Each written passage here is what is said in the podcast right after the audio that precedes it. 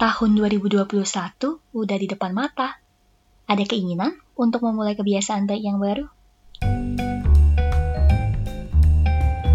Halo, aku Vini. Sekarang kamu lagi dengerin Explore Rasa. Episode kali ini aku akan ngebahas tentang bagaimana cara untuk kita memulai suatu kebiasaan yang baru. Tahun 2020 ini aku ngerasa udah ngejalanin kehidupan yang berbeda. Ya, gara-gara virus corona, Jadinya kan spend lebih banyak waktu di rumah. Kukira kamu mungkin juga ngalamin hal yang kurang lebih sama.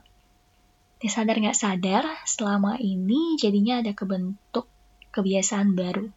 Mulai dari meningkatnya waktu rebahan, meningkatnya juga penggunaan gadget, tapi di sisi lain, aktivitas fisik malah berkurang. Sedih amat ya kedengarannya aku mulai berkeinginan untuk memulai kebiasaan yang lebih sehat. Walaupun tantangan terbesarku sendiri sebenarnya di olahraga. Kalau kalian kenal aku, kalian tahulah seberapa mager aku buat gerak, apalagi yang berat. Dan kupikir tiap orang pasti punya titik lemahnya sendiri.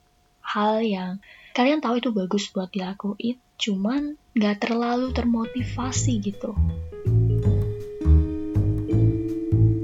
Coba sekarang kamu pikirin satu aja hal yang emang pengen kamu lakuin dari dulu, cuman sampai sekarang kok rasanya masih males ya buat mulai. Ya, aku tahu emang awal untuk memulai itu tuh hal yang gak gampang.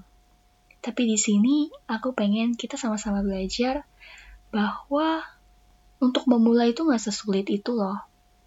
We can start small kita nggak perlu mulai dan langsung ngelakuin banyak, langsung berhasil dalam jumlah yang besar. Aku belajar dari teknik Kaizen dari Jepang.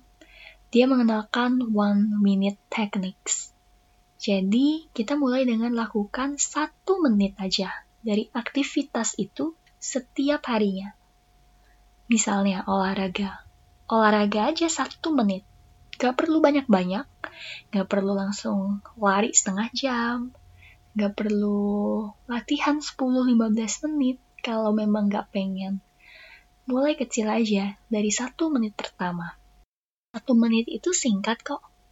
Ini aja kamu udah dengerin mungkin sekitar dua menitan ya. Mulai satu menit, kita bisa lawan mentalitas malas tadi dengan mikir, ya ini kan cuma satu menit doang, pasti bisa. Semales-malesnya maksain diri buat satu menit aja ngelakuin itu. Terus kalau misalnya udah satu menit, ya udah bebas mau balik lagi ngerjain hal yang disukai, itu balik lagi ke pilihan kita. Tapi yang penting kita mulai aja dulu, daripada kita nggak mulai sama sekali. Dengan melakukan metode seperti ini, maka pertama akan lebih gampang buat kita memenuhi target itu.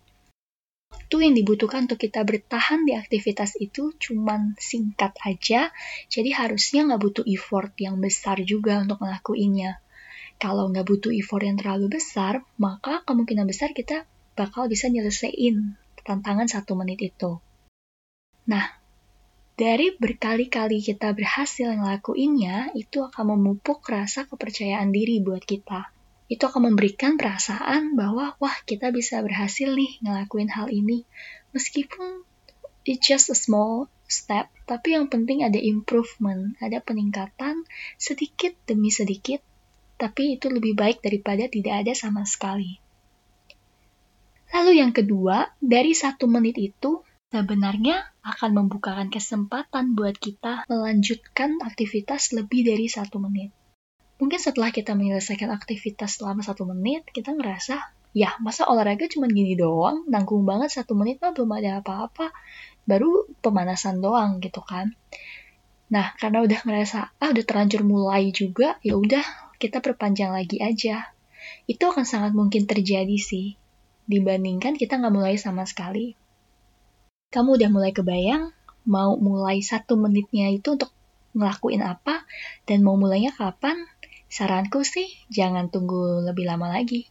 Mulai hari ini, mulai dari satu menit aja, dan lanjutkan sampai bisa jadi habit baru yang kamu pertahanin. Segitu dulu dari aku untuk episode kali ini. See you di next episode.